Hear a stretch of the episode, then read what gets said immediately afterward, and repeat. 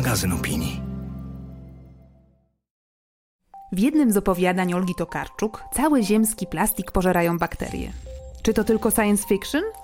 Czym zastąpić plastik i co zrobić z miliardami ton tworzyw sztucznych, które już wyprodukowaliśmy? Czy segregacja śmieci ma sens? Jak naprawdę wygląda recykling plastiku i jak rozwiązać problem jednorazowych opakowań? O tym wszystkim porozmawiam w 15 odcinku podcastu Jak naprawić przyszłość?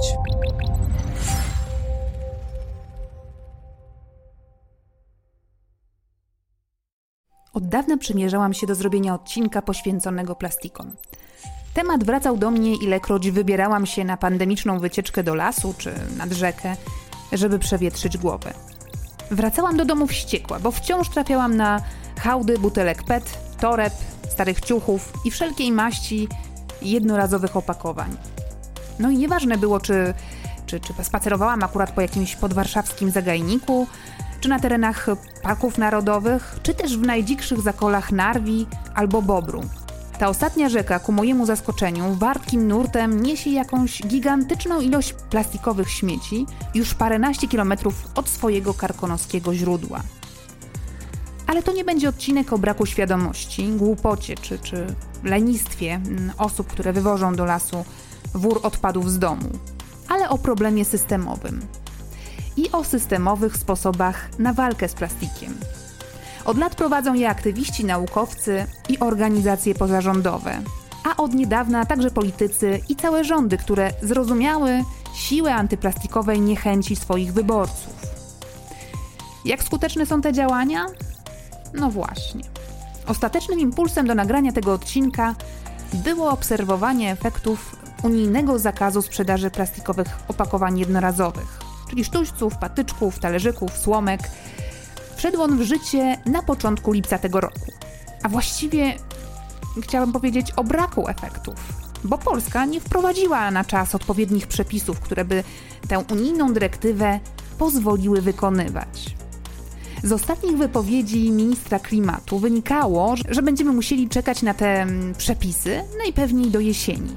A tymczasem to przecież wakacje są takim okresem, kiedy jemy najwięcej śmieciowego jedzenia w jednorazowych opakowaniach. No bo kupujemy rybkę na plastikowej tacce, piwo z nalewaka w plastikowym kubku. Nie wiem, czy wiecie, ale na naszym kontynencie co drugi śmieć znaleziony na plaży to jednorazowy kubek albo opakowanie. No tak więc, zanim zdążymy z ustawą, mamy szansę dołożyć światu więcej odpadów niż przez resztę roku. O lukach i absurdach związanych nie tylko z naszą krajową, ale i unijną polityką walki z plastikiem, a nade wszystko o skutecznych strategiach, które moglibyśmy wdrożyć w najbliższej przyszłości, porozmawiam z Michałem Pacą, ekspertem do spraw gospodarki odpadami, autorem bloga Sortownia Opinii. A w drugiej części podcastu będziecie mogli posłuchać Macieja Guzika, mikrobiologa z Instytutu Katalizy i Fizykochemii Powierzchni imienia Jerzego Habera Polskiej Akademii Nauk w Krakowie. Doktor Guzik opowie o najnowszych doniesieniach ze świata nauki i o pracach nad tym, żeby znaleźć równie użyteczny i trwały, ale przede wszystkim bezpieczny materiał, który mógłby znienawidzony plastik zastąpić. Zapraszam. Co zrobić, gdy wszyscy trąbią o nieuchronnej katastrofie? O apokalipsie ekologicznej, technologiach, nad którymi przestajemy panować, rosnących nierównościach społecznych, cyberwojnach, populistach, fake newsach. Możesz próbować odciąć się od złych informacji, uprawiać własny ogródek i udawać, że wszystko jest w porządku. Ale możesz też wziąć sprawy w swoje ręce. Naiwność? Być może, ale wolę wierzyć w to, że działania pojedynczych ludzi mają znaczenie. O tym, jak naprawić przyszłość w duchu filozofii DIY, czyli naszego swojskiego zrób to sam, będę rozmawiać z naszymi gośćmi, ekspertami z różnych dziedzin. Postaram się też namówić ich do tego, by weszli w buty futurologów i spróbowali opisać, jak będzie wyglądał interesujący nas wycinek rzeczywistości w 2050 roku. Nazywam się Barbara Sowa i w imieniu magazynu Pismo zapraszam do słuchania podcastu. Plastikowe śmieci, na które natrafiałam w czasie swoich pandemicznych wycieczek po kraju, to i tak pestka w porównaniu z górami śmieci składowanymi i palonymi choćby w Azji. I bynajmniej nie są to śmieci wyprodukowane przez lokalnych mieszkańców. Do niedawna Chiny, a dziś Malezja, Tajlandia i Wietnam to najwięksi importerzy plastikowych odpadów. Sprzedają je tam bogate kraje i w ten sposób pozbywają się problemu. Ba, w swoich statystykach często chwalą się, że sprzedawany plastik został poddany recyklingowi. Prawda jest jednak taka, że, że kraje, do których trafiają śmieci, mają bardzo ubogą infrastrukturę, więc ledwo radzą sobie z recyklingiem rodzimego plastiku. W rezultacie odpady, zagraniczne odpady także, są palone albo zwyczajnie wyrzucane do wody. WWF szacuje, że 80% plastiku w oceanach pochodzi z lądu. Czy ten system można byłoby zorganizować inaczej? Rozmawiam o tym z Michałem Pacą, który sam o sobie mówi tak. Nazywam się Michał Paca, mam 42 lata i ponad połowę mojego życia zajmuję się sprzątaniem. Albo zajmuję się ściekami, albo odpadami, albo innymi rzeczami, którymi nasza cywilizacja nie chce się zajmować. Mam to szczęście, że będąc przedsiębiorcą, mogę też wspierać te inicjatywy, w które wierzę. I wspieram jedną inicjatywę edukacyjną, która nazywa się schooloflife.pl i to jest program, który daje przestrzeń młodym ludziom do tego, żeby szukali swojej pasji, żeby schodzili z utartych ścieżek, żeby szukali tego, co naprawdę chcą robić w życiu. I drugą inicjatywą, która e, nie mniej mnie cieszy, to jest Fundacja Las na Zawsze, w której zwracamy przestrzeń naturze. A że taki mamy klimat w Polsce, że to się w 95% kończy lasem, to na potrzeby lokalne to jest Fundacja Las na Zawsze. Ja muszę na początek przyznać, że e, jak się przygotowywałam do rozmowy z Tobą, to się trochę poczułam jak frajerka. Hmm. Bo, bo Ty publicznie i otwarcie przekonujesz, że ten cały nasz wysiłek z segregowaniem śmieci to trochę psu na budę, że to jest jedna wielka hipokryzja.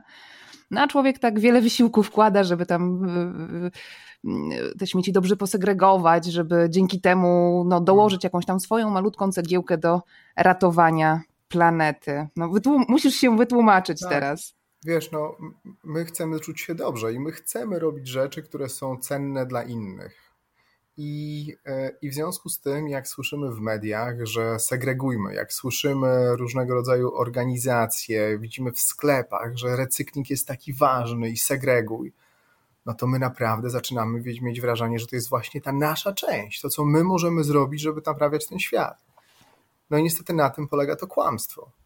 Ten nasz wysiłek jest wykorzystywany de facto do tego, żeby przemysł petrochemiczny miał większe rynki zbytu i nie musiał się zajmować największym problemem swoich produktów. No tym właśnie, że na tej planecie nie ma co z tym plastikiem zrobić. I to na poziomie instalacji, na poziomie tego, ile my mamy mocy przerobowych, w których możemy przetwarzać te odpady. Wiesz, dość powiedzieć, że w recyklingu plastiku jest kilka poziomów ściemniania. Pierwszy poziom ściemniania to jest to, że my zostaliśmy przekonani, że plastik jest, nadaje się do recyklingu. A nie nadaje się? Jak ty myślisz o recyklingu, jak ja myślę o recyklingu i każdy, kto nas słucha, myśli o recyklingu, to on sobie myśli, że z butel- recykling polega na tym, że z butelki robię butelkę. Takiego recyklingu doświadcza jedynie jakieś, jakieś 15% plastiku, który jest poddawany w cudzysłowie teraz recyklingowi w rozumieniu przepisów. I teraz to 15% to de facto jest jakieś 2% z całego plastiku, który jest rocznie produkowany. Nie? Więc, e, więc cokolwiek my zrobimy, z uwagi na, na to, jaki ten materiał jest, i z uwagi na ilość instalacji, która do jego przetwarzania jest, my mamy szansę 1 do 50, że on zostanie poddany recyklingowi, nie? A w każdym domu kolejny pojemnik. uwaga nasza właśnie na tym, co wrzucać do żółtego, co wrzucać do niebieskiego, co wrzucać do zielonego worka. No i dla mnie to jest właśnie kierowanie tej naszej uwagi tam, gdzie ona wcale nie pomaga planecie. Mówiłeś o kilku poziomach. Jakie są jeszcze te poziomy ściemy? No, ten poziom ściemy jest taki, wiesz, że, że de facto ten system, jak funkcjonuje teraz, on jest bardzo korzystny dla spółek, które, dla firm, które pakują swoje produkty w łatwy i przyjemny plastik, którego nie trzeba po sobie sprzątać. I to, co dla mnie jest takie znamienne, to jest to właśnie, że definicja recyklingu e, została w dyrektywie rozszerzona o słowo lub do innych celów, czyli nie do pierwotnego celu, przetworzenie do pierwotnego celu, ale jeszcze jest lub do innych celów. No więc większość naszego plastiku, który wytwarzamy w Polsce i który jest poddawany w cudzysłowie recyklingowi, e, czyli te 85% e, w sekcji recykling, to jest przetwarzanie plastiku na coś, e, na dobra w cudzysłowie trwałe. Dywany, ubrania, taśmy opakowaniowe, jakieś elementy samochodów, mebli. I to jest taki rodzaj plastiku, który rzeczywiście pożyje trochę dłużej, ale on później już się nie nadaje do żadnego przetwarzania. On może być w najlepszym wypadku w bardzo kontrolowanych warunkach spalony.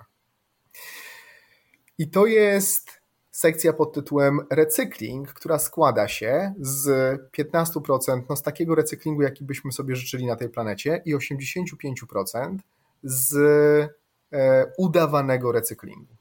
Mhm. I cała ta sekcja w przypadku plastiku produkowanego na tej planecie to jest łącznie 15%, a 85% plastiku, który rocznie produkujemy, niestety nie mamy go ani jak, ani gdzie przetworzyć. I ten plastik jest w najlepszym wypadku w kontrolowanych warunkach spalany lub składowany. I to dotyczy przede wszystkim krajów zachodnich. Jak my wyglądamy na tle krajów zachodnich? Gdzieś wyczytałam, że Polska, e, statystyczny Polak e, produkuje około tam ponad 300 kg e, śmieci rocznie. To dużo, mało? I to jest ogromnie dużo. No, jakby popatrz sobie, normalny człowiek waży normalny człowiek, może inaczej, ja ważę dzisiaj 78 kg, czyli statystycznie cztery razy moja masa rocznie zostawiam po sobie przyszłym pokoleniom, nie? No to sobie pomyśl teraz, że ja przeżyję tych lat 80, czyli ja po sobie na pamiątkę przyszłym pokoleniom, żyjąc tak jak żyję, zostaje 24 tony śmieci. Rwa mać. To jest kolosalna ilość. I to, że my wypadamy lepiej niż kraje, które konsumują więcej, to nie powinno nam poprawiać humoru, bo my się powinniśmy porównywać do tego, co, fu, co ta planeta jest w stanie przyjąć. A my de facto, cała gospodarka odpadami to jest wyraz nieefektywności naszej cywilizacji. Przedkładamy naszą wygodę, naszą konsumpcję ponad długoterminowe myślenie o naszych dzieciach, wnukach, prawnukach, bo oni z tym problemem naszym zostaną. I my w naszym codziennym zabieganiu sobie myślimy, że, no, że robię tyle rzeczy dla moich dzieci, e, edukuję ich i tak dalej, ale czy ja im zostawiam właściwe nawyki związane z tym, e, żeby one odpowiedzialnie traktowały tą planetę? No, o to jest bardzo trudno w tym naszym codziennym zabieganiu i mierzeniu się z rzeczywistością, w której wszyscy jesteśmy niezwykle zajęci i mamy bardzo mało czasu na to, żeby myśleć dalej do przodu niż dzień jutrzejszy. Mówisz o tych takich codziennych nawykach, które my pielęgnujemy i które chcielibyśmy przekazać e, swoim dzieciom. No teraz to są nawyki w postaci segregowania śmieci, tak? I to trochę nas być może zwalnia z odpowiedzialności, bo nam się wydaje, że jeśli posegregujemy, to, to, to, to wszystko będzie ok. No ale mówisz, że to, że nie, no niekoniecznie. To jakie powinny być te nawyki? W którym kierunku my powinniśmy mhm. pójść, żeby no, te, tej hipokryzji nie było, żeby e, realnie coś zmienić? Jest taka maksyma, która definiuje w jakiś sposób um, zrównoważoną konsumpcję. I to jest produkuj albo nabywaj tylko to, co jesteś w stanie skonsumować. Czyli jak to odniesiemy do kraju, no to w kraju powinniśmy wytwarzać tylko i wyłącznie to, co jesteśmy w stanie wykorzystać, łącznie e, z tym, co w trakcie tej produkcji nam powstaje jako odpady. I od tego jesteśmy bardzo daleko. I to, że jesteśmy daleko, to dla mnie, to dla niektórych osób jest, jest przytłaczające i po prostu wolą o tym nie myśleć i robić i żyć tak, jak żyjemy do tej pory. No wszyscy inni tak żyją. Ja mam takie dwie zasady w życiu, że, że po pierwsze, dla mnie punktem odniesienia jestem tylko ja z wczoraj. Codziennie dostaję szansę na to, żeby być lepszy niż byłem wczoraj i wszystko jest w moich rękach, czy ja z tej szansy skorzystam, czy nie. Porównywanie się do innych, to, że inni robią źle, nie jest dla mnie żadnym usprawiedliwieniem do tego, żebym ja robił rzeczy źle. E, to, co ja kiedyś usłyszałem, i to jest dla mnie bardzo dobre wyrażenie tej drugiej części, no to jest to, że to, że ktoś inny sika do basenu i sika więcej niż ja, to nie znaczy, że ja mam prawo sikać do tego basenu, no bo koniec końców wszyscy będziemy kąpali się nie w czystej wodzie. Więc to, co możemy zrobić, niestety, dla niektórych niestety, to jest e, cieszyć się tym, że nie konsumujemy. To jest, to jest naj, najważniejsza rzecz, którą możemy zrobić my, to jest ograniczyć naszą konsumpcję. I, I dla mnie ograniczanie naszej konsumpcji to jest, e, to jest sztuka nawyków. I każdy ma e, swoją pulę nawyków, które może wdrożyć. Są nawyki, które są bardzo proste, jak, jak na przykład picie tylko i wyłącznie wody z kranu we własnej butelce i nagminne przedłużanie życia rzeczom, które już mamy. Ubraniom, pogodzenie się z tym, że nie będę wyglądał najmodniej w tym sezonie, ale kupowanie bardzo trwałych, dobrej jakości ubrań, które kupujemy z perspektywą taką, że będą z nami przez najbliższe 20 lat. Ja sobie zadaję bardzo proste pytanie, zanim coś kupię, po pierwsze, czy ja tego naprawdę, naprawdę potrzebuję. Tak? I w połowie przypadków e, to są zachcianki, jakieś takie szybkie impulsy pod tytułem, e, którym mówię nie. Po drugie, czy ja muszę to mieć, bo może mogę to pożyczyć, mogę, że mogę użyć coś, co już zostało nabyte, a stoi gdzieś u kogoś w garażu, ktoś ma w domu, więc szukanie rzeczy, które mogę pożyczyć i wykorzystać, żeby zaspokoić tą potrzebę, która się pojawiła, to jest dla mnie drugi element. Trzeci element, czy mogę kupić coś używanego? Jeżeli muszę to mieć, no to czy mogę kupić coś używanego? I wreszcie, jeżeli muszę kupić nowe, to czy to naprawdę musi być z plastiku? Albo czy musi być zapakowane? I wiesz, i ta, e, i ta hierarchia dla mnie jest, odnosi się i do wyrobów trwałych, i do jedzenia. No bo w kontekście jedzenia wiadomo, że nie mogę pożyczyć, ale i, i muszę mieć. Ale wreszcie, czy mogę kupować rzeczy, które nie są zapakowane? No ale to jest właśnie tutaj dotykamy problemu, bo dzisiaj kupienie rzeczy, które nie są zapakowane, wcale nie jest proste. To nie jest tak, że, że idziesz do sklepu i wszystko możesz dostać. No jakby nawet, nawet tak. głupie warzywa po prostu w supermarketach tak. są na styropianowej tacce i jeszcze zafoliowane i, i po prostu no jakiś paradoks. Tak, no bo wiesz, bo to jest e, w takiej percepcji społecznej to jest wygodne, daje nam jakieś poczucie bezpieczeństwa i higieny, więc producenci chętnie to produkują w ten sposób.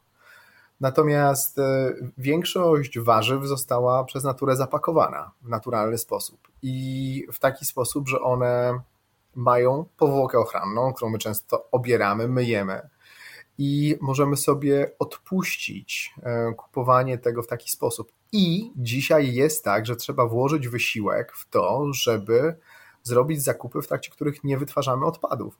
I ja jestem w stanie takie zakupy w stanie robić raz w tygodniu, w sobotę. I zajmuje, zajmuje mi to, gdybym poszedł do jednego sklepu, to pewnie bym miał to ogarnięte w ciągu pół godziny, ale jak parkuję samochód w jednym miejscu i idę do czterech różnych sklepów, to spędzam tam półtorej godziny. To ma swoje zalety bo wchodzę do małych sklepów, w których trenuję ludzi w tym, żeby nie lecieli od, dla mnie, do mnie od razu z małą torbą foliową, bo ja chcę jakiejś rzeczy, tylko wchodzę ze swoim tabunem pudełeczek i różnych rzeczy i jak mi się te pudełka kończą, to nie kupuję kolejnej rzeczy na wagę e, do pokrojenia. ale to wymaga wysiłku, wiesz? I moją nagrodą jest satysfakcja, która dla mnie jest wystarczająca, ale dla większości społeczeństwa nie jest. Jedną z rzeczy, które ja mówię na poziomie organizacyjnym, że my w idiotyczny sposób, w sposób kompletnie niespójny z hierarchią postępowania odpadami, płacimy za sprzątanie tego świata, bo my, konsumenci, płacimy raz na miesiąc do gminy, niezależnie od tego, ile wytworzymy odpadów. Gdyby udało się wprowadzić system, którego nie ma w żadnym innym kraju europejskim, gdzie płacimy za odpady w formie akcyzy śmieciowej, za każdym razem i w miejscu, w którym dokonujemy prawdziwego wyboru, czy naśmiecimy, czy nie. Bo w domu to, już nie ma znaczenia. To ma znaczenie w sklepie.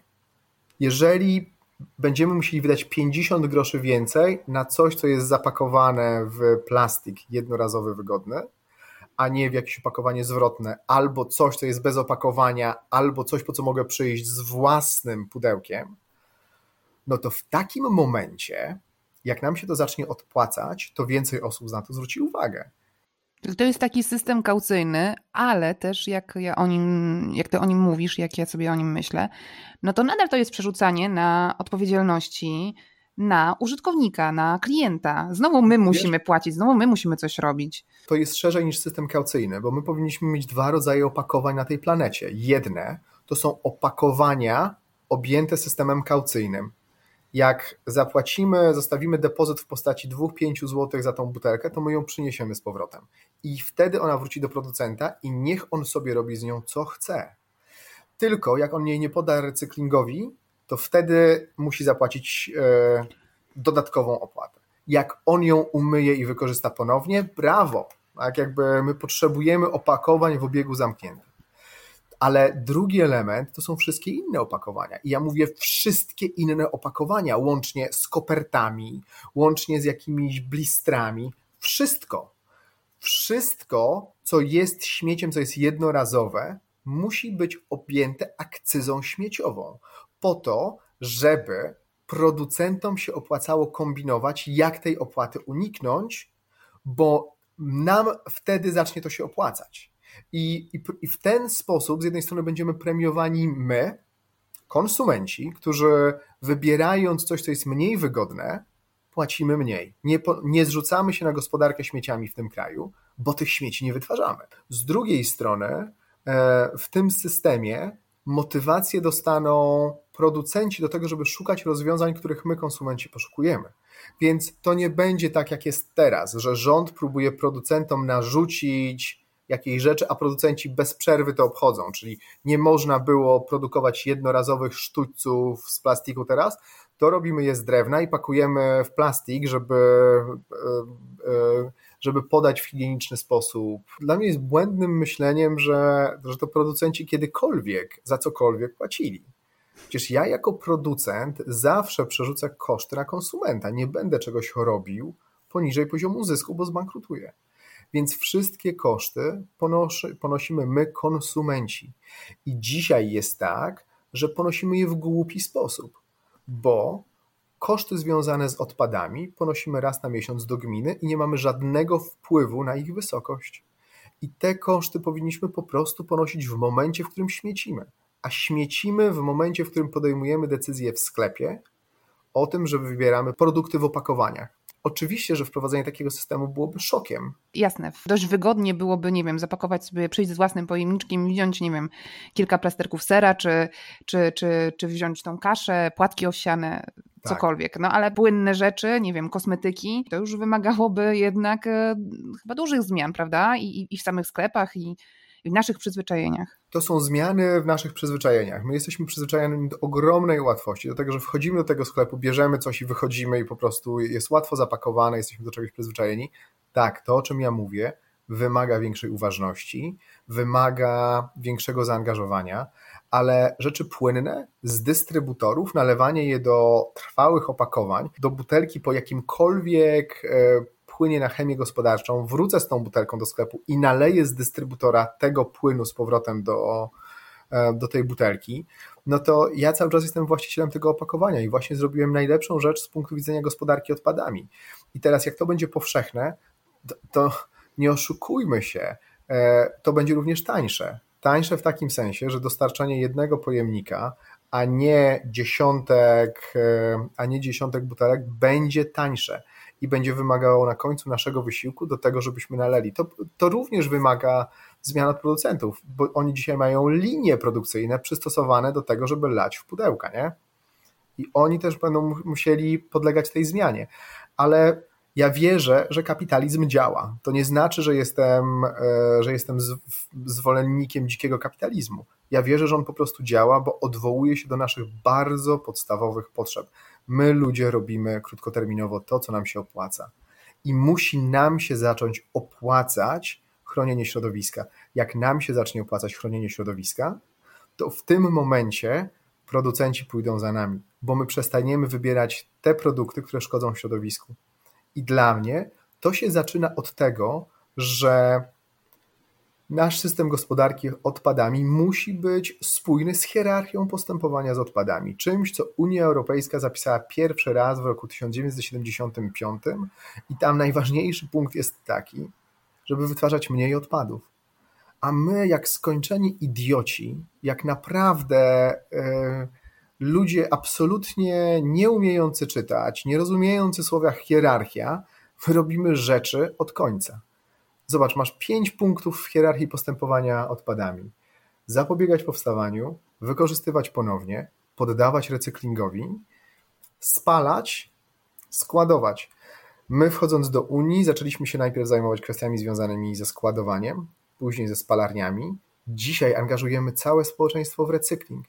I dla mnie to jest, wiesz, jakiś smutek związany z tym, że nawet jak jest e, intencja prawidłowa i ona jest zapisana formalnie, mniej odpadów, to polityki później strategie tego nie wspierają. Wspierają de facto to, żeby producentom było wygodnie. I, e, i to na poziomie systemowym jest jakiś taki taka niewydolność instytucji, które kolektyw, które mają za nas podejmować racjonalne decyzje, jest dla mnie smutna. A coś się w ogóle dzieje w tym temacie? To znaczy, ta wizja, którą ty nakreśliłeś, ona jest bardzo odważna, ale no ja myślę, że gdzieś, re, gdzieś tam realizowalna i taka kusząca, jak sobie tak na zdrowy rozum człowiek pomyśli, okej, okay, no to jest w sumie sensowne rozwiązanie. Czy ktoś w ogóle pracuje nad takim rozwiązaniem? Albo czy gdzieś coś się dzieje w tym temacie? Jak to wygląda? Wiesz, coś o czym ja mówię i o czym rozmawiam z różnymi politykami, ale ale politycy dzisiaj są zajęci czymś innym. I my działamy w takim trybie, że w ostatniej chwili wypełniamy polecenia Unii Europejskiej, czyli idziemy po takim absolutnym minimum, nie zastanawiamy się, czy, czy jakieś kierunki, które Unia Europejska wytycza długoterminowo, de facto dają nam szansę do tego, żeby w czymś Unię Europejską wyprzedzić. Bo jak wyprzedzimy w jakimś obszarze Unię Europejską, to przestaniemy być naśladowcami, którzy kupują rozwiązania z Unii Europejskiej, z krajów zachodnich, e, tylko zaczniemy my wytyczać ścieżki i od nas będą, będą kupowane rozwiązania. To my będziemy konsultantami dla reszty świata, my będziemy zarabiali na lepszych pomysłach, my będziemy inspirowali innych ludzi w innych krajach. I ja bardzo o takim ruchu marzę. I wiesz, to się wydarzy. To, o czym ja mówię, to się wydarzy. Tylko albo wydarzy się szybko, i zrobimy to jako pierwsi, albo zaczekamy 10 lat i Unia Europejska nam powie, jak to zrobić, bo na Zachodzie będą gotowe rozwiązania. Niestety, dla mnie, jak patrzę na ścieżkę związaną z gospodarką odpadami, to Unia Europejska e, konsumuje bardzo dużo, nie poczyniła przez 45 e, lat swojego bardziej świadomego odpadowego istnienia żadnych realnych kroków w stronę tego, żeby ograniczać ilość odpadów, pomimo tego, że miała to zapisane. I Unia Europejska zaprosiła nas na ścieżkę powtarzania jej błędów, bo ona ma rozwiązania dla tych błędów i ona nam dzisiaj te rozwiązania sprzedaje. Więc dla mnie to jest trochę smutne, bo to jest e, nie robienie rzeczy najlepiej jak możemy, tylko robienie rzeczy tak, żebyśmy my z Zachodu, czyli zachodnia część Unii Europejskiej, na tym zarobiła. Taka jest moja perspektywa na gospodarkę odpadami gdyby Unia Europejska chciała szczerze nas wesprzeć w tym, co jest w hierarchii gospodarowania odpadami, ona, ona powinna była wejść tutaj i powiedzieć nam 15 lat temu: patrzcie, mamy dla Was 20 miliardów euro, które będziemy wydawali. I w przeciwieństwie do tego, co zrobiliśmy na Zachodzie, będziemy się koncentrowali, żeby te pieniądze szły na to, żebyście nie wytworzyli większej ilości odpadów. Jak to możemy zrobić? Bo my mamy rozwiązania dla spalania. E, recykling widzimy, że nie działa, że jest rżnięciem głupa, więc skupmy się na niewytwarzaniu odpadów. Jakby ten kraj wyglądał, gdybyśmy wydali 80 miliardów złotych plus nasze drugie tyle na to, żeby wytwarzać mniej odpadów? Pewnie wyglądałby zupełnie inaczej niż dzisiaj i pewnie byłby ogromną inspiracją dla reszty świata. I dzisiaj cały czas mamy tą szansę, bo nikt się tym nie zajmuje. Smutny jest też fakt, e, nie dalej jak kilka dni temu przeczytałam e, w Rzeczpospolitej, że taki paradoks, bo okazuje się, że producenci, firmy, które się zajmują e, recyklingiem plastiku, one dzisiaj muszą ten, ten plastik, ten granulat taki do przetworzenia importować. Ty masz rację, mówiąc o tym, że my mamy wpływ na duże korporacje. Polacy i w ogóle społeczeństwo ma coraz większą świadomość, coraz bardziej chce być eko, tak? chce być fair w stosunku do planety. Producenci to podchwytują, sprzedają, y, że, że, że no na przykład, nie wiem, wykorzystują do produkcji swoich opakowań mm, y, materiały z recyklingu, zamawiają więc coraz więcej tego produktu z recyklingu, sprawiając, że dziś ten granulat do recyklingu plastikowy, to głównie z butelek PET, jest droższy niż, niż właściwie ten, ten granulat taki powstały prosto w rafineriach, ten nowy, tak? Więc to jest jakiś totalny, kompletny absurd dla mnie, że, że, że, że no, doprowadziliśmy do takiej sytuacji, kiedy musimy te śmieci jeszcze sprowadzać do przetworzenia. Ten dziewiczy granulat to jest de facto odpad z produkcji paliw. To jest odpad oni tam mieli po prostu kłopot z tym, jak to zagospodarować. I wiesz, i w różnych krajach, na przykład w Rumunii widziałem takie, taki ogromny zbiornik, którym te odpady z przetwarzania ropy naftowej są gromadzone cały czas. Przez wiele, wiele lat w ten sposób tam szła produkcja paliw, że, że tego nie wykorzystywano do robienia plastików. Dzisiaj robimy z tego plastiki i rozrzucamy to po całej planecie. Nie? I ten plastik w wersji Virgin jest również tani, dlatego że to, że on jest technicznie e, że plastik w ogóle jest technicznie, nadaje się do recyklingu, to zapominamy mówić, że nadaje się, ale to jest przeraźliwie drogie. Więc efekt jest taki, że rozgrzanie tego. Ja, ja nie chcę wchodzić w kwestie związane z recyklingiem plastiku. Dla mnie konkluzja tego systemu jest taka, że on nie działa. Nie ma co się, jak spojrzymy po prostu, to się ani nie opłaca. Gdyby to się opłacało, to świat by to robił. To się nie opłaca rynkowo. Te technologie są zbyt drogie. I druga rzecz, jakby nie ma tematu. Jakby 100 milionów ton plastiku rocznie, z których jesteśmy w stanie w jakiś sposób przedłużyć życie 15%. 85%, 55% palimy albo składujemy, 30% wymyka nam się do środowiska. Rok w rok. I to jest ta iluzja, w której my żyjemy, na której korzystają, no niestety korzystają korporacje. Korporacje są genialnymi organizmami, które pozwalają nam łączyć siły, żeby realizować ogromne projekty, ale korporacje również e, chodzą na krótkim pasku rentowności. Jakby co kwartał ma być zysk. Więc korporacje dzisiaj niestety są siłą, która opóźnia wszelkie zmiany. I tu jest potrzebny rząd. Tu jest potrzebny rząd, który de facto musi tworzyć warunki do tego, żeby się opłacało chronić środowisko. I musi to robić inteligentnie. Bo powiem Ci jeszcze jeden przykład, który jest e, e, wynikiem trochę krótkowzrocznej polityki Unii Europejskiej, która jakby penalizuje plastik jest opłata, jest podatek plastikowy, ale spod tego podatku są wyjęte plastiki, które my robimy z, ze skrobi. Więc cały RD Coca-Coli tego świata jest teraz skupiony na tym, żeby nauczyć się robić te opakowania ze skrobi tak, żeby nie uniknąć tej opłaty. Ale nikt sobie nie zadaje pytania, jaką powierzchnię trzeba będzie obsadzić kukurydzą, żeby tą skrobię wyprodukować. I tutaj się okaże, że nawet jak odejdziemy od jedzenia mięsa, to, to znowu będziemy próbowali, będziemy musieli robić to z tego, będziemy musieli tą powierzchnię planety oddać po to, żeby robić dla Coca-Coli tego świata wygodne opakowania, których oni nie będą musieli po sobie sprzątać. I znowu powstaje plastik, gdzie oni się nie, oni nie pracują nad tym, żeby równolegle zapewnić moc do przetworzenia tego z powrotem.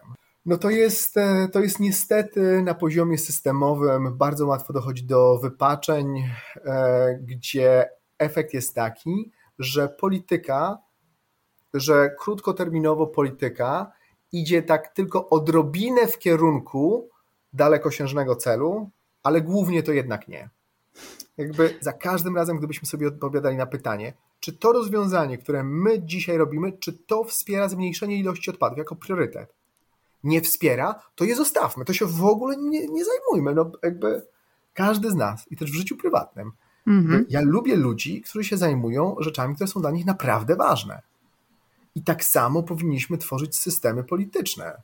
Jak coś jest na pierwszym miejscu w hierarchii, no to powinniśmy naprawdę skupiać się, żeby 80% naszej uwagi szło w tamtą stronę. Ale gdybyśmy chcieli też e, w jakiś sposób e, przyczynić się do, nie wiem, do, do lobbowania na rzecz takich rozwiązań e, i wymuszania na korporacjach rozwiązań proekologicznych, takich prawdziwie proekologicznych, to jakbyśmy to mieli robić? No bo wiesz, łatwo powiedzieć, że segregowanie to za mało, że to mhm. jest ślepy zaułek y, i biczujemy się za małe wybory, a Bill Gates, nie wiem, no pisze książkę Jak uratować świat. Jak na te korporacje naciskać? Nie kupować produktów? Taki ban na, na, na, na konsumencki to jest dobry kierunek? Dla mnie głosowanie portfelem to jest najsilniejszy rodzaj głosowania, do którego mamy prawo i dostęp codziennie. I to oznacza wysiłek związany ze zmianą nawyków konsumpcyjnych, ale oczywiście, że tak, te firmy idą za pieniądzem. Rzeczywiście wyzwaniem jest to, żeby robić zakupy bez opakowań. Ogromnym. Ale de facto również to jest dużo zdrowsze, bo rzeczą, która najbardziej nam szkodzi, jest żywność przetworzona. I tyle. I tak jakby, jeżeli ograniczamy się naszą konsumpcję do, do owoców, warzyw, bardzo podstawowych produktów w wersji nawet nie eko, to y, będziemy dużo zdrowsi niż jemy rzeczy, które zostały wielokrotnie przetworzone. Dodano do nich różne substancje zabezpieczające, żeby, y, żeby coś się nie utleniło, zanim my to włożymy do, do ust. I co w efekcie e, sprawia, że nasze ciała stają się takimi reaktorami, w których mieszają się różne substancje chemiczne, i my prowadzimy na sobie eksperymenty związane z tym, jak to te różne konserwanty w naszych ciałach reagują i, jaki rodzaj schorzenia wygramy długoterminowo.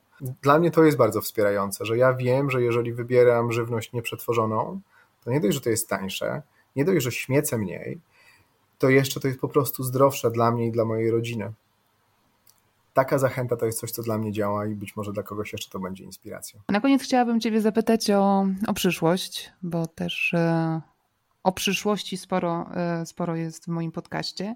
Ty jesteś optymistą? Myślisz, że za 30 lat uda nam się może nie wyeliminować, ale chociażby w znacznym stopniu ograniczyć zużycie plastiku, bo to on jest największym jakby problemem. Ja mam nadzieję, że my wykorzystamy najbliższe 30 lat, żeby konsekwentnie tworzyć e, gospodarkę, w której my nie zostawiamy problemów przyszłym pokoleniom. Ja jestem w ogóle w życiu optymistą. Ja wierzę, że dobre rzeczy się wydarzą. Bo nie mam wątpliwości, że my jako ludzie przetrwamy i damy radę jakoś, ale ja po prostu bardzo bym chciał, żebyśmy w naszym społeczeństwie, żeby te kolejne lata były latami, kiedy my będziemy trochę mniej zajęci, kiedy będziemy w stanie dokonywać wyborów, które mogą być mniej wygodne. I ja wierzę, że my w ten sposób stworzymy potrzebę dla instytucji produkujących, żeby odpowiedzialnie konsumować tą planetę. I wiesz, ja trochę też mam tak, że ja unikam myślenia o tym, jak będzie wyglądał świat za wiele,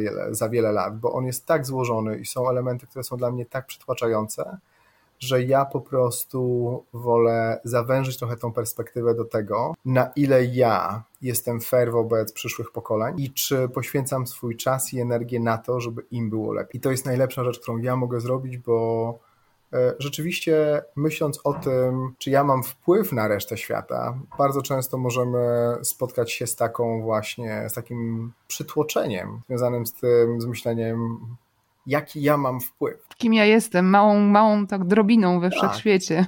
Ale Jest taka niezwykle mądra maksyma, jednocześnie cudownie prosta. Mam wpływ na to, na co mam wpływ.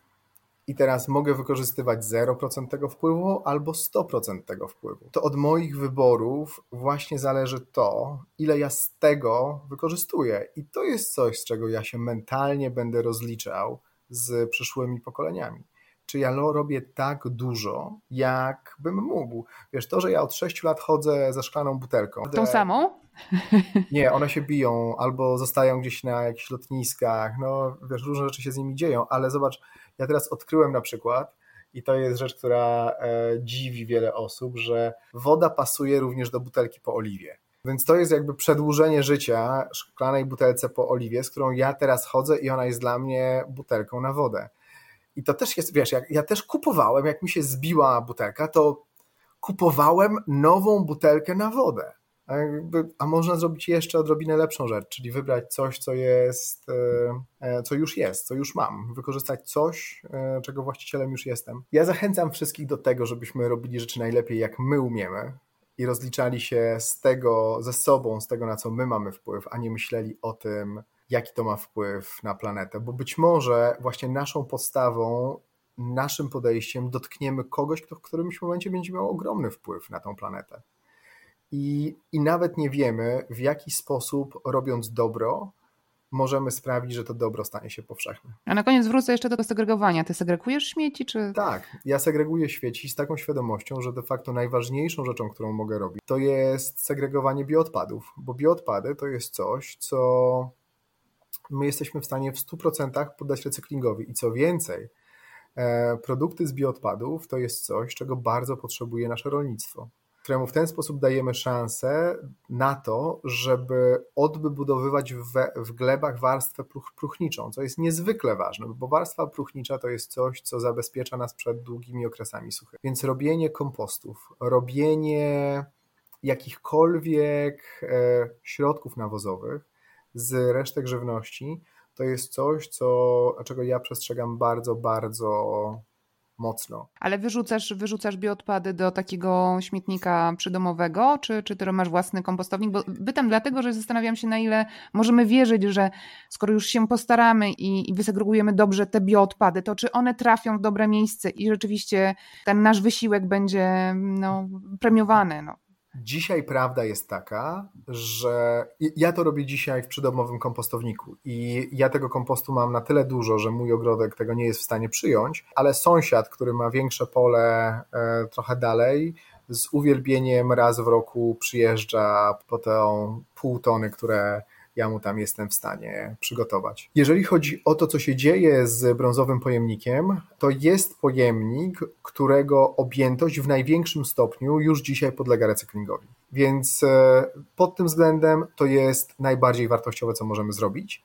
Natomiast jest również tak, że też jest nieidealnie. Natomiast w ciągu trzech lat myślę, że będziemy w stanie powiedzieć, że w skali kraju praktycznie 100% tego, co trafia do tych pojemników, jest poddawane recyklingowi.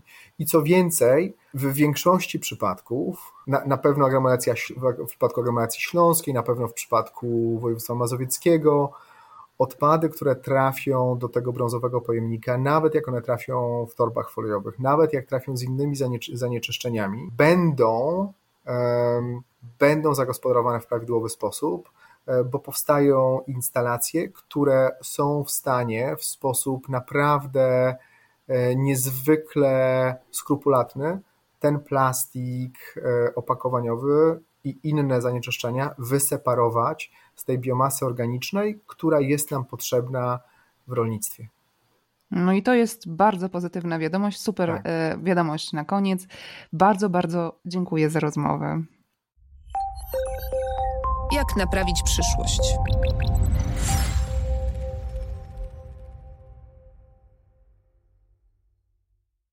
Michał Paca wspomniał o całych działach R&D Coca-Coli, które pracują nad mm, opracowaniem i wdrożeniem na masową skalę plastiku ze skrobi, biodegradowalnego, ale wymagającego obsadzenia kukurydzą czy na przykład ziemniakami całych połaci ziemi i wykorzystania produktów, które normalnie byśmy zjedli.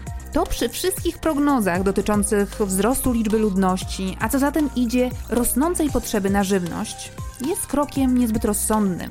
My tego miejsca pod uprawy, tych ziemniaków czy kukurydzy, będziemy przecież potrzebowali, aby móc się wyżywić. Ale naukowcy pracują nie tylko nad wykorzystaniem skrobi.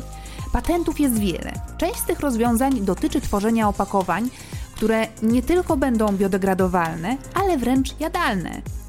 O tym, jak do produkcji bioplastiku wykorzystać zestresowane bakterie, opowie nam dr Maciej Guzik, mikrobiolog z Instytutu Katalizy i Fizykochemii Powierzchni imienia Jerzego Habera Polskiej Akademii Nauk w Krakowie. Zaintrygowałam Was? I bardzo dobrze, bo temat jest niezwykle ciekawy. Zresztą sami posłuchajcie. Z moim gościem rozmawiałam zdalnie, akurat miał nocną zmianę w laboratorium co może stać się w niedalekiej przyszłości realną alternatywą dla wszechobecnego plastiku?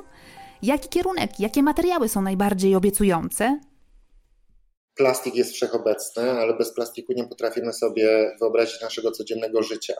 Plastik z jednej strony jest demonizowany, i tutaj chciałbym też zaznaczyć, że rozsądne używanie plastików różnego rodzaju nie prowadziłoby do takiej katastrofy ekologicznej, jaką obecnie mamy. Z drugiej strony istnieją alternatywy e, pochodzenia biologicznego, czy też pochodzenia syntetycznego, które w przyrodzie ulegają szybkiej degradacji. Jak na razie jesteśmy na etapie, gdzie znamy kilka, kilkadziesiąt takich alternatyw, ale one nie spełniają wszystkich warunków, czy to mechanicznych, fizycznych, chemicznych, takich jak te, które teraz stosujemy.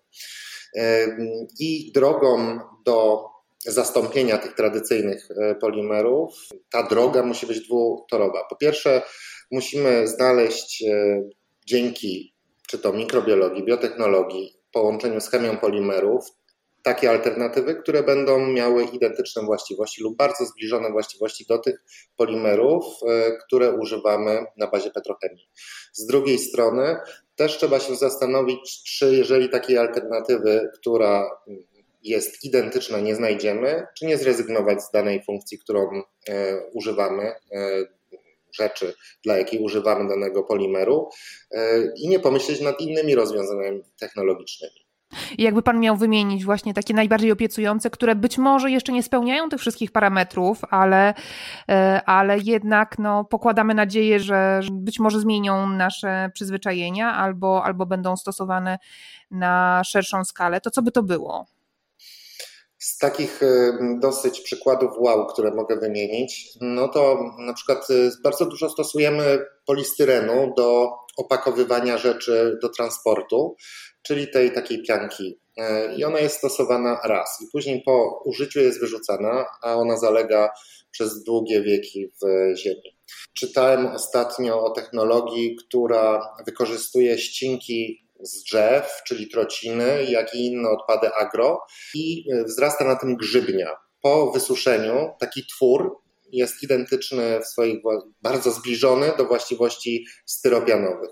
Co jest jeszcze fajne, możemy zrobić sobie wzór z płyty e, MDF, wyciąć e, go za pomocą wycinarek, w dowolny kształt, no i taka grzybnia później sobie wyrośnie w takiej kształtce, więc możemy już produkować na miejscu gotowe opatulenie dla, dla sprzętu.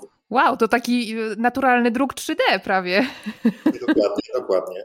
Z bardziej skomplikowanych e, polimerów, to znaczy może nie skomplikowanych, e, tylko trudniejszych w wyprodukowaniu warunkach domowych, są to biopolimery typu PLA, czyli polilaktyd, albo PHB, którym ja się też po części zajmuję, czyli polihydroksymaślan. Tutaj ten pierwszy produkowany jest na drodze fermentacji, e, a następnie na drodze syntezy chemicznej te monomery łączone są w polimer, który jest dosyć twardy, ale na przykład służy teraz do druku 3D. E, możemy z niego robić kubki. Jakbyśmy to odróżnili od e, plastiku syntetycznego, tak? Jakbyśmy mogli, żeby tutaj to rozróżnienie zrobić? Plastiki syntetyczne powstają na bazie ropy naftowej. I ropa naftowa jest przetwarzana w różnoraki sposób, tak żeby uzyskać monomery, które później budują cały polimer. Monomery to klocki budujące polimer. I one są pochodzenia w tym przypadku ropy, z ropy naftowej. Plastikach pochodzenia bio to możemy wytwarzać i plastiki, które e, są niedegradowalne i są tymi samymi, które powstają z ropy naftowej, ale ich cząsteczki, które e, wytwarzamy, są pochodzenia naturalnego. Czy one są w jakiś sposób lepsze niż te plastiki powstałe na bazie paliw kopalnych, tak? Załóżmy e, taki scenariusz. Mamy polietylen i ten polietylen możemy wyprodukować z ropy naftowej i możemy go wyprodukować na bazie etanolu po fermentacji. I teraz, jak się popatrzymy na cykl życia tego, tych dwóch polimerów. Pierwszy polimer e, został wyprodukowany z paliwa kopalnianego e, i po jego użyciu zanieczyszczamy środowisko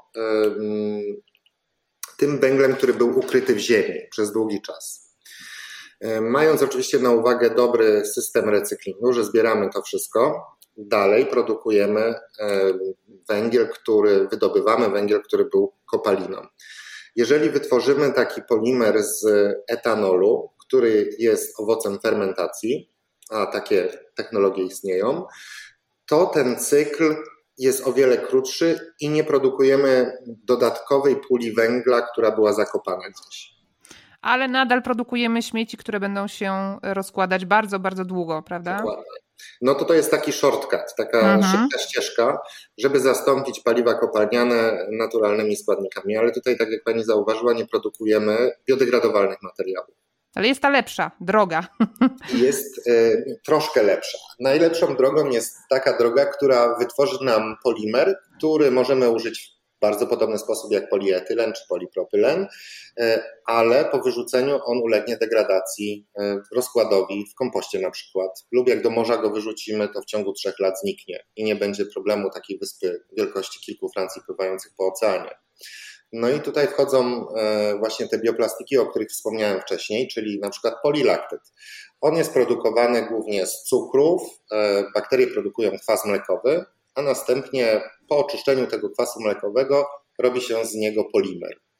I taki polimer w warunkach kompostu e, technologicznego ulega kompletnej degradacji w ciągu od 3 do 6 miesięcy, w zależności jaki to jest, jaką ma tam strukturę wewnętrzną. Kompost przemysłowy to, to jest to samo, co kompostownik nasz domowy, czy niekoniecznie? To są jakieś bardzo specjalne warunki. Są tam mm, te warunki dosyć pilnowane, żeby odpowiednia temperatura była, odpowiednia wilgotność, tak żeby on cały czas żył, nie miał przestoju jakiegoś produkcyjnego, czyli przetwarzania tych, tych bioplastików. Ja się zajmuję trochę innym polimerem, bo tak jak wspomniałem, PLA jest robione na drodze fermentacji, a później syntezy chemicznej. Polimery, które my produkujemy w laboratorium, one już po procesie fermentacji są całym polimerem, więc tutaj odpada w ogóle ten proces chemiczny, co dodatkowo obciąża środowisko. Mniej więcej to wygląda tak, że mamy jakieś pożywienie typu cukier, olej, dajemy mm, to do gara, którym nazywamy fermentor. Tam są dobrze kontrolowane warunki, gdzie bakterie mogą się rozmnażać a następnie stresujemy te bakterie, tak żeby mogły w tych nie, niefajnych warunkach zacząć odkładać, tak jak mi się na zimę tłuszcz, to na ten polimer w sobie w postaci takich granulek wewnątrz komórki bakteryjnej. Brzmi niesamowicie. Zestresowane bakterie, które produkują plastik. Dokładnie, dokładnie tak. Wszystkich to ciekawi zawsze jak mówię i czy one cierpią, ale nie, one nie cierpią wtedy. E, nic, no tak, po, po zakończeniu procesu niestety je uśmiercamy wszystkie, ale to bakterie, więc e, one uczuć zbyt wielkich nie mają. E, I taki polimer wyciągnięty z tych, tych bakterii następnie może być już przetwarzany od razu. Więc proces wytworzenia takiego polimeru trwa kilka dni. W zależności od tego, jaki chcemy zrobić polimer, jakiego szczepu używamy, jakiego pożywienia dla nich, to, to, to jest parę. To nad czym Państwo pracujecie, to jest zastosowanie medyczne, tak? Jakby gdzieś te zestresowane bak bakterie tworzą polimer, który później posłuży, no między innymi do produkcji opatrunków. Tak. Te polimery mają dwie super cechy. Po pierwsze są biodegradowalne, a po drugie są biozgodne. Pierwsza cecha chyba każdemu jest znana. Możemy wyrzucić taki polimer, takie coś zrobione z polimeru i ulegnie on E, kompletnej degradacji do dwutlenku węgla i wody. Jak szybko to zależy od środowiska, w jakim to, to następuje, ale jest to czas od miesiąca do trzech lat. E, a druga super cecha, czyli ta biozgodność, oznacza to, że cokolwiek wytworzone e, z takiego polimeru i włożone do ciała człowieka będzie zaakceptowane, nie będzie odrzutu. Taki implant, czy to opatrunek, on bez problemu się zrośnie z naszym ciałem też będzie dodatkowo odżywiał tkankę wzrastającą na takim implancie czy na opatrunku, który się zintegruje z raną i będzie tworzył naturalną taką barierę. Więc my wykorzystujemy to w medycynie. A dlaczego tak? Ponieważ koszt produkcji tych polimerów jest y, no, dwukrotnie, trzykrotnie większy niż e, produkcja tradycyjnych polimerów. I tutaj, jeżeli chodzi o medycynę, cena nie gra roli podczas procesu produkcji i wytwarzania danego implantu. Ale jeżeli mówimy o codziennych zastosowaniach, no niestety ta cena e, odgrywa tutaj dużą rolę. No i tu się pewnie zbliżamy do klubu problemu, tak? Bo oczywiście chciałam zadać pytanie, na ile bioplastiki już są wykorzystywane i na jaką skalę? Czy, czy jest szansa, żeby się pojawiły mm, w masowej produkcji? Myślę, że tak. Teraz e, klimat jest niesamowicie sprzyjający temu, żeby biotworzywa, nie tylko bioplastiki, znalazły swoje pierwsze miejsce, a na drugim były te tradycyjne. Wynika to z dwóch e, powodów. Pierwszym powodem jest wzrastanie świadomości społeczeństw, że niestety zatruwamy środowisko i ten problem jest dosyć bardzo widoczny. Na przykład zamknięcie plaży w Tajlandii na, na rok, ponieważ było tyle śmieci, to każdy odczuwa na sobie, jak kto by chciał pojechać na wakacje tam. A z drugiej strony yy, mamy też sprzyjający, sprzyjający klimat legislatorów. E, jest ogólnoeuropejska ustawa mówiąca o zakazie stosowania jednorazowych przedmiotów codziennego użycia, czyli plastikowych rurek, widelców, sztućcy itd., tak itd. Tak Więc pokłosiem takiej globalnej legislatury na pewno będą ustawy lokalne, państwowe, które będą przez podatek środowiskowy, czy to zwiększały koszt użycia e, tradycyjnych polimerów w opakowaniach, a tym samym obniżały koszty, czy dotowały nawet sztucznie, e, obniżając tym koszty użycia polimerów biodegradowalnych. Jeszcze trzeci aspekt to jest skala produkcji. E, I tutaj ja dążę też w badaniach, żeby opracować taki model, aby wykorzystać zasoby naturalne znajdujące się w danej lokalizacji. Czyli załóżmy, mamy jakiegoś rolnika, który produkuje sobie biodiesel na swój użytek, no i nie ma co zrobić z tą gliceryną, tak? To chciałbym mu zaoferować taką technologię, żeby sobie e, zainwestował troszkę na start, ale mógł produkować również bioplastik. Ten bioplastik, czy same nawet bakterie wysuszone, może przekazywać wytwórcy polimeru, który będzie wytwarzał z tego inne, inne rzeczy. No to tak samo jak z przekazywaniem oleju rzepakowego na produkcję biodiesla do większych e, konglomeratów, ale żeby to było wytwarzane lokalnie, żeby ten odcisk węglowy, który jest, e, który towarzyszy każdemu procesowi, był jak najmniejszy. No. A na jakim etapie jesteście ze swoim projektem? Mm, jeżeli chodzi o tą stronę medyczną, to mamy już opracowanych e, kilka e, produktów e, gotowych do wejścia już do takich zaawansowanych badań in vitro, in vivo, czyli na zwierzętach. Na pewno są to opatrunki, mm, które, które mamy w trzech różnych rodzajach. Mamy też w tych opatrunkach leki, więc one mogą być miejscowo uwalniane, nie, nieinwazyjnie. Z drugiej strony też ze współpracą z Wydziałem Ceramiki, z grupą e, bioceramiki na AGH opracowaliśmy pokrycia implantów kostnych, gdzie ta, ta cienka warstwa e, nie dość, że odżywia komórki wzrastające, ale też właśnie że ten lek może miejscowo e, uwalniać o, różnej, o różnym tempie tego uwalniania. Więc te dwa produkty mamy, rozmawiamy też, jeżeli chodzi o zastosowania takie pozamedyczne, ponieważ te polimery mają różną postać. Są twarde niektóre, niektóre są dosyć elastyczne, jak tak gumka do mazania, a są też takie lejące, więc rozmawiamy tutaj, y, które mogą tworzyć naturalne kleje i rozmawiamy tutaj z różnymi firmami, czy to do zastosowań takich do druku 3D, czyli te twarde polimery, czy do zastosowań jako naturalne kleje. Czyli tutaj już jest zainteresowanie rynku komercyjnego, tak? Y, y, mhm. Y, a jak wygląda sytuacja, czy w Polsce można kupić już biotworzywa? Czy możemy podać jakieś przykłady? jak je rozpoznać w ogóle, bo zastanawiam się, czy są jakieś, nie wiem, oznaczenia specjalne, że okej, okay, to jest biotworzywo, możesz je mm, bezpiecznie kupić i wyrzucić, nie zaśmiecisz tym w ten sposób ziemi.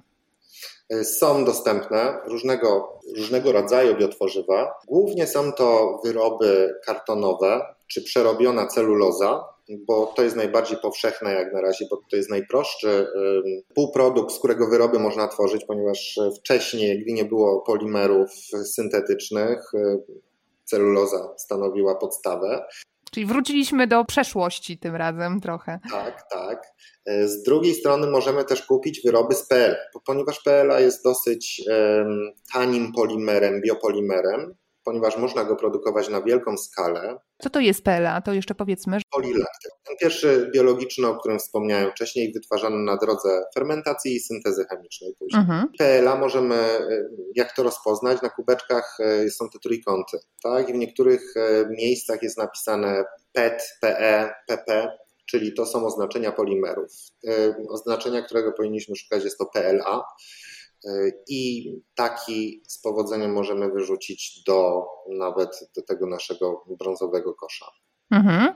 Do kompostownika również? Do kompostownika niestety nie przydomowego, ponieważ nie ma tam warunków, które to rozłożą. Na początku rozmowy Wspominał Pan o tym, że no jest jeden e, aspekt, o którym e, powinniśmy wspomnieć, to znaczy ten aspekt mniejszej trwałości e, tych polimerów. Na ile biotworzywa mogą stać się, nie wiem, na przykład elementami konstrukcyjnymi w budownictwie, albo mogą realnie zastąpić opakowania żywności. Ja pamiętam nie dalej jak miesiąc temu zamówiłam sobie taką dietę w pudełkach, która, która była oczywiście super fajna, świeża, wszystko cudnie przygotowane i tak dalej, no ale po, po, po kilku dniach e, zrozumiałam, że mam codziennie pięć plastikowych pudeł, które trafiają do śmieci. No i zrezygnowałam, zapytałam dostawcę, czy, czy, jest jakaś realna ekologiczna alternatywa. Oni mówią, że szukają. No to może, może im podpowiemy. Jest wiele firm e, takich właśnie pudełkowych, nie? które oferują zamienniki biodegradowalne i to jest głównie PLA, e, tylko że trzeba dopłacić. E, mhm. Zazwyczaj chyba dychę dziennie od 10 do tam 20 zł za opakowanie. To biodegradowalne. Mhm. Więc już jest tutaj ta bariera ceny, powinno być na odwrót, prawda? Jeżeli myślimy o zastosowaniach bioplastików, na przykład tych dwóch, PLA i PHA, to tak, jak powiedziałem, do ich degradacji potrzebne są odpowiednie warunki. Czyli odpowiednia wilgotność, odpowiednia temperatura i odpowiednia e, mikroflora, czyli bakterie i grzyby. Jeżeli mm, myślimy tutaj o zastosowaniu w budownictwie, to jeżeli zapewnimy takiemu materiałowi odpowiednie warunki, czyli suchość e, i nieprzepuszczalność do świata zewnętrznego, czyli na przykład kable idące w murze, to takie kable nie ulegną degradacji, jeżeli nic na nie będzie kapać i ta ściana nie będzie wilgotna. E, dopiero po, rozebra- po rozbiórce takiego budynku możemy je, moglibyśmy je oddawać na kompost. Z drugiej strony też butelka w sklepie, która jest w chłodni e, z jakimś płynem, nie rozłoży się nam na półce w ciągu dwóch, trzech, czterech tygodni, tylko to będą lata, jak ona będzie tracić swoje właściwości.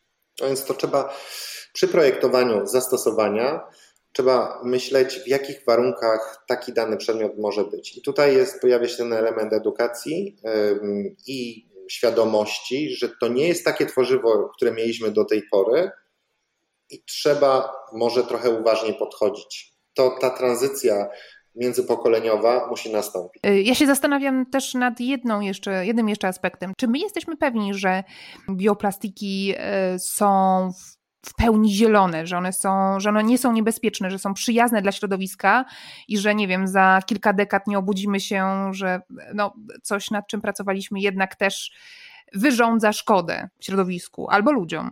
No tutaj są dwa aspekty znowu. Po pierwsze produkcja. Produkcja musi się odbywać w modelu zrównoważonym, więc musimy przemyśleć każdy aspekt tego, z czego czerpiemy zasób, czy czasem nie wchodzimy w łańcuch żywności człowieka, jeżeli e, myślimy tutaj o produkcji fermentacji. Z drugiej strony istnieją też technologie, które pozwalają odbierać gazy cieplarniane z procesu fermentacji, a takie gazy są uwalniane pod postacią CO2.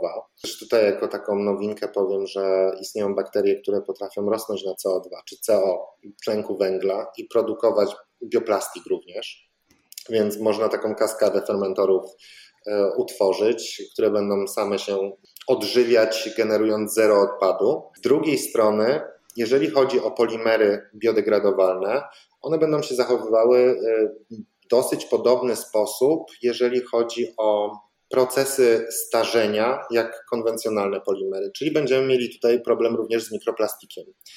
Ale taki mikroplastik po wniknięciu do organizmu przez układ pokarmowy, czyli wyobraźmy sobie, że ryba zje taki mikroplastik, on zostanie szybko rozłożony w przewodzie pokarmowym yy, i nie wniknie w tkanki. Oczywiście badania należy przeprowadzić e, na szeroką skalę, jaki będzie efekt tych bioplastików, ponieważ nikt nie robił takich badań dotyczących normalnych polimerów. Wydawało się, że ok, nic nie powinny szkodzić, a na, mm, na kanwie doświadczeń, które posiadamy z normalnymi polimerami, możemy bardzo łatwo przewidzieć, co się będzie działo, jaki będzie wpływ na środowisko e, z danym e, procesem produkcji i później z życiem danego polimeru. Tak, trochę historia nas e, dała nam nauczkę i musimy wyciągać e, wnioski z tego, co się wydarzyło. Ja jeszcze wrócę do tych zestresowanych bakterii, bo tak sobie myślę, że troszeczkę się prześlizgnęliśmy przez temat, a to jest niezwykle ciekawe. W jaki sposób te zestresowane bakterie, które mają w środku te małe kuleczki, cząsteczki przyszłego bioplastiku, co się później dzieje w jaki sposób to się, że tak powiem, staje tym materiałem, budulcem, e, z którego powstaje, no nie wiem, taki opatrunek. Proszę sobie wyobrazić, że dajemy bakterii kropelkę tłuszczu, tłuszczu. Ona podchodzi do tego pożywienia w następujący sposób, że ten tłuszcz wnika przez membranę, błonę komórkową, a następnie poddawany jest takiemu kołu różnych enzymów. Najpierw jest rozwalany e, i następnie przyłączona jest do niego inna cząsteczka. I on sobie tak przechodzi, cyrkuluje i ta bakteria sobie robi bloczki budulcowe swojej całej komórki z, takiego, z takiej kropelki tłuszczu ale część jest odkładana do organellum, czyli takiego woreczka pod postacią polimeru. Więc te cząsteczki są łączone przez enzymy, czyli białka, które sklejają jedno z drugim e, w długą nić polimeru. I ona robi to wtedy, kiedy czuje się zestresowana, czuje się zestresowana wtedy, kiedy nie ma wszystkich e, nieorganicznych, e, potrzebnych cząsteczek do życia. Na przykład brakuje jej tlenu, brakuje jej fosforanów czy azotanów. Ona wtedy e, na prędko gromadzi na lepsze czasy takie właśnie granulki pełne plastiku. Kolejnym krokiem, mm, który my robimy już na skalę makro, jest odseparowanie takiej gęstwy bakteryjnej od e, cieczy fermentacyjnej taką gęstwę później się suszy, to wygląda jak taki tofi ciągutek. Mhm. E, to się suszy później i jest e, takim dosyć lepkim kamyczkiem. Kruszymy to na małe drobiny i później przy użyciu rozpuszczalników organicznych, takich jak aceton czy octan etylu, są często wykorzystywane te rozpuszczalniki w e, kosmetyce prawda, jako zmywacz do paznokci, to więc coś takiego wykorzystujemy do wymywania tego polimeru z bakterii. E, no i pozostają mm, te bakterie puste, czyli trubki, które możemy wykorzystać jako nawóz. I mamy pozostałość, która jest e, plastikiem, ale ten plastik jest w płynie jak na razie. I kolejnym krokiem jest jego wyciągnięcie z tego płynu, czyli strącanie. Dolewamy to do alkoholu i powstaje taka mgiełka właśnie tego plastiku, taki blob. Po wysuszeniu możemy z niego robić e, różne rzeczy, formować w dowolny sposób. Mhm, brzmi, brzmi naprawdę e, fascynująco, ale rozumiem, że e, na podstawie swoich badań mówił Pan o tych wyliczeniach, że to jest jakby trzy razy droższe niż produkcja standardowych syntetycznych plastików. To jest ten koszt? Nie na kanwie swoich badań, tylko na kanwie obserwacji tego, co się dzieje na różnych rynkach. Więc zrobiliśmy takie badanie, nie wiem, czy kojarzy Pani portal Alibaba. Mhm, oczywiście. Jest to chiński portal, na którym można kupić dużo różnych rzeczy ciekawych. Dużo plastiku również. Pod każdą postacią. I bioplastiku również.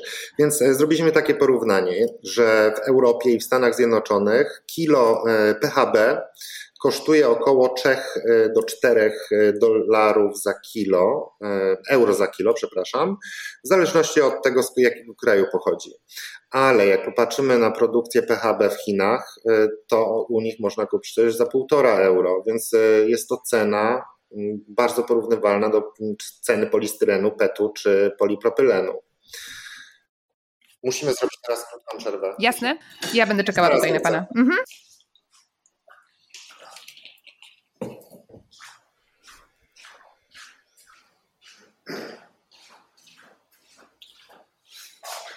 Dobra, już jestem. Hmm. A cóż tam pan sprawdzał? Proszę powiedzieć, czy to jest właśnie związane z, z tym projektem, o którym rozmawiamy?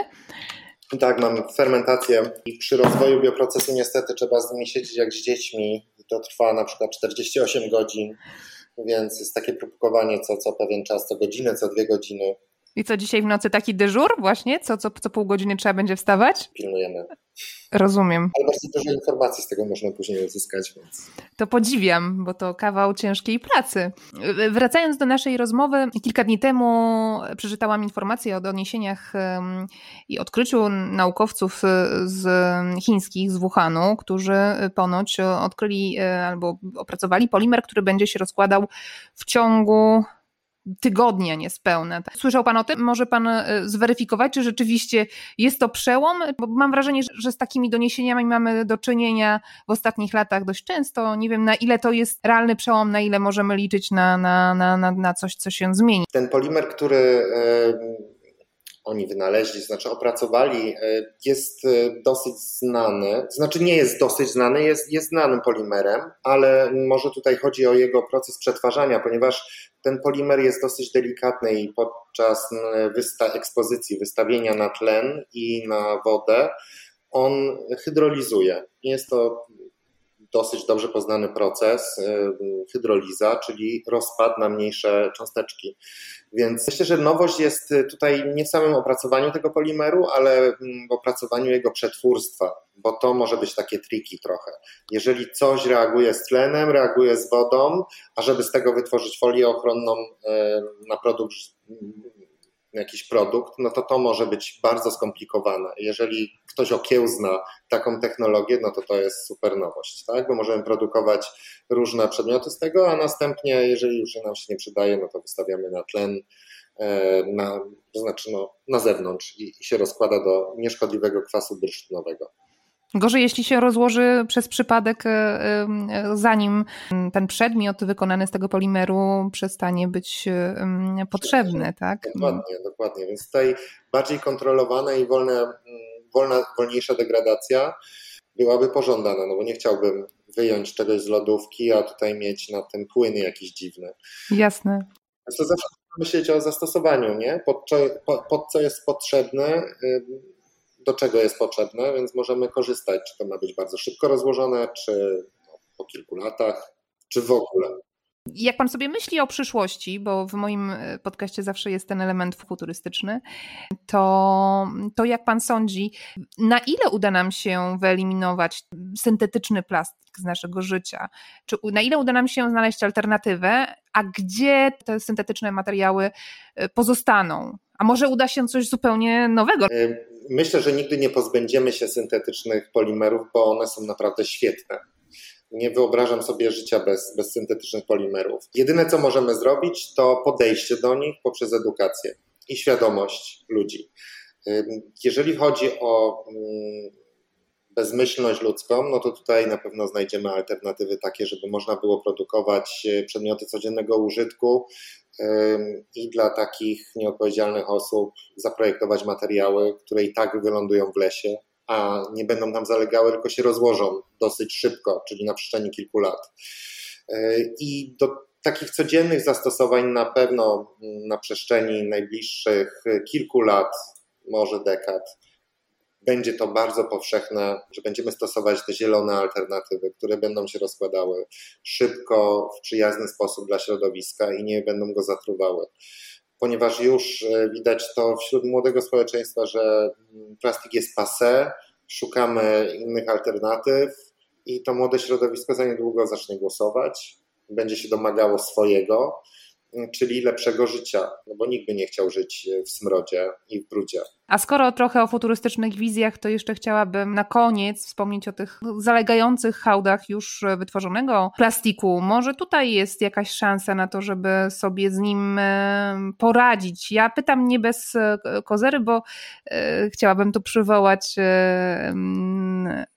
jedno z opowiadań bizarnych e, Olgi Tokarczuk, w którym to żarłoczna bakteria likwiduje nie tylko ten plastik, którego nie chcemy, mikroplastik z oceanów, ale, ale nagle pozbywamy się dzięki tej bakterii e, całego plastiku na świecie. Ten przykład jest trochę z gatunku science fiction, ale jednak ziarnko prawdy w tym tkwi, to znaczy bakterie rzeczywiście rozkładają plastik. To jest do wykorzystania na szerszą skalę? Tak, e, bakterie uczą się tego, mm, uczą się jeść to, co je otacza, My im stworzyliśmy fajne warunki na przestrzeni y, kilkudziesięciu lat, co jest kroplą w morzu ewolucji, ale mikroby wykształciły już enzymy, które potrafią y, rozłożyć y, PET, nazywa się ten politeraftalen etylenu, czyli to, co mamy butelki. Popularne butelki plastikowe, tak, po napojach gazowanych. Jest taki enzym, który nazywa się petaza. Ten pięknie nazywający się enzym pochodzi z mikroorganizmów i te mikroorganizmy potrafią żyć na takim polimerze, odcinać kawałeczek po kawałeczku.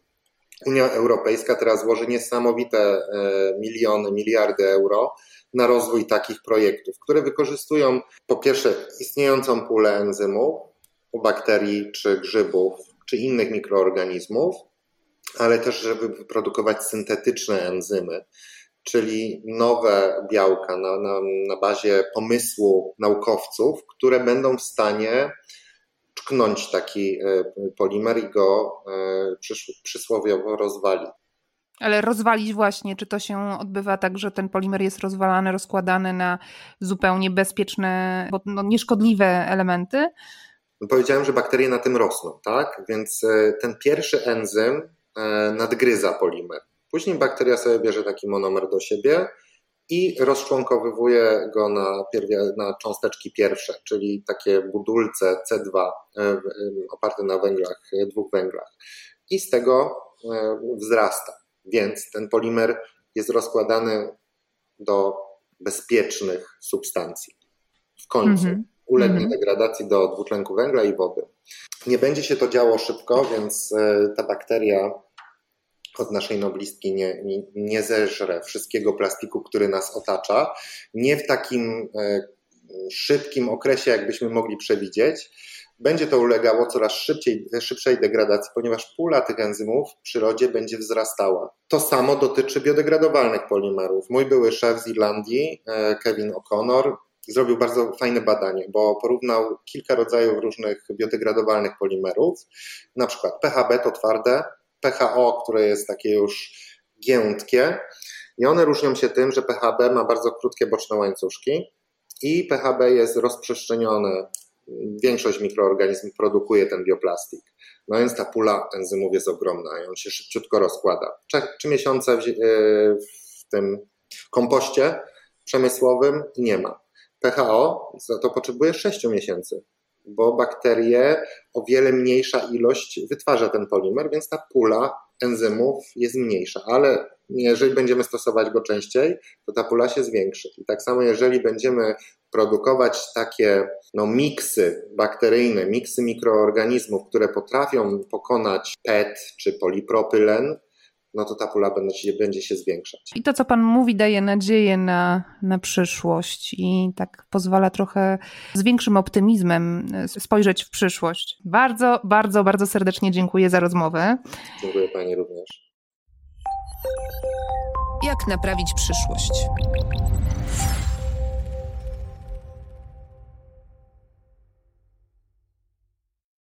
Na koniec chciałam Wam polecić świetny tekst o plastiku, który opublikowaliśmy w 13 numerze pisma z 2019 roku.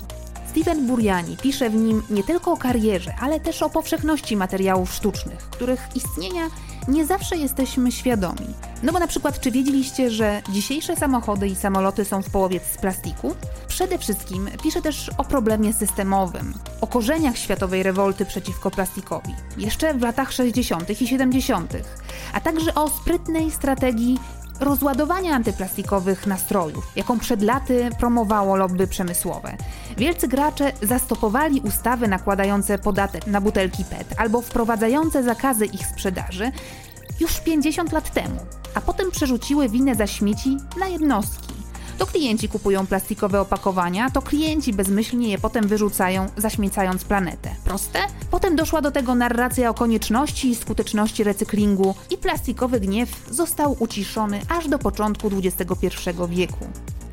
Autor zwraca uwagę, że materiały sztuczne w istocie pomogły przestawić światową gospodarkę na konsumeryzm oparty na pozbywaniu się rzeczy i pisze o tym, że problem plastiku jest nierozerwalnie związany z innym, mniej namacalnym problemem, jak kryzys klimatyczny. Dziś 7 z 10 największych producentów plastiku to wciąż spółki naftowe i paliwowe. Silna motywacja, by wytwarzać plastik będzie istniała, dopóki wydobywają paliwa kopalne. Jeśli plastik jest miniaturą wszystkich pozostałych środowiskowych problemów, to zgodnie z logiką są nią także rozwiązania. W ciągu ledwie kilku lat dowody naukowe zniszczeń, jakie plastik wyrządza środowisku, zachęciły ludzi do zorganizowania się, zmusiły rządy do wprowadzenia regulacji, a nawet zostały dostrzeżone przez korporacje paliwowe. Klienci domagali się mniejszej liczby opakowań w supermarketach i w ciągu roku koncern BP prognozował, że w rezultacie do 2040 roku przemysł będzie produkował 2 miliony baryłek ropy dziennie mniej. Zauważono naszą obsesję na punkcie plastiku. W dużo większym boju o zmianę klimatu, ostry sprzeciw wobec plastiku może skończyć się skromnym, ale dodającym wigoru zwycięstwem, wzorem przyszłych działań. To oznacza pogodzenie się z tym, jak bardzo powiązane są ze sobą te kwestie. Uznanie faktu, że plastik nie jest jedynie odosobnionym problemem, który możemy trwale wyrugować z życia, lecz po prostu najbardziej widocznym produktem naszej rozbuchanej konsumpcji ostatniego półwiecza. Richard Thompson, oceanograf, który ukuł termin mikroplastik, zachowywał optymizm pomimo ogromu wyzwania. W żadnym momencie w minionych 30 latach nie było takiej zgody między naukowcami, ludźmi biznesu i władzami, powiedział. Istnieje prawdziwa szansa, żeby dobrze to rozwiązać. Studium ukazało się w 13 numerze miesięcznika Pismo, magazyn opinii. Czytała Agata Turkot. E-wydanie pisma z tekstem Plastikowy Gniew można pobrać z archiwum serwisu magazynpismo.pl albo posłuchać tego tekstu na naszym kanale podcastowym Pismo do Słuchania. Link do nagrania znajdziecie w opisie. To był 15 odcinek podcastu Jak naprawić przyszłość. Ja się nazywam Barbara Sowa i na kolejny odcinek zapraszam Was za miesiąc. Bądźcie zdrowi, trzymajcie się ciepło. Do usłyszenia. Jak naprawić przyszłość?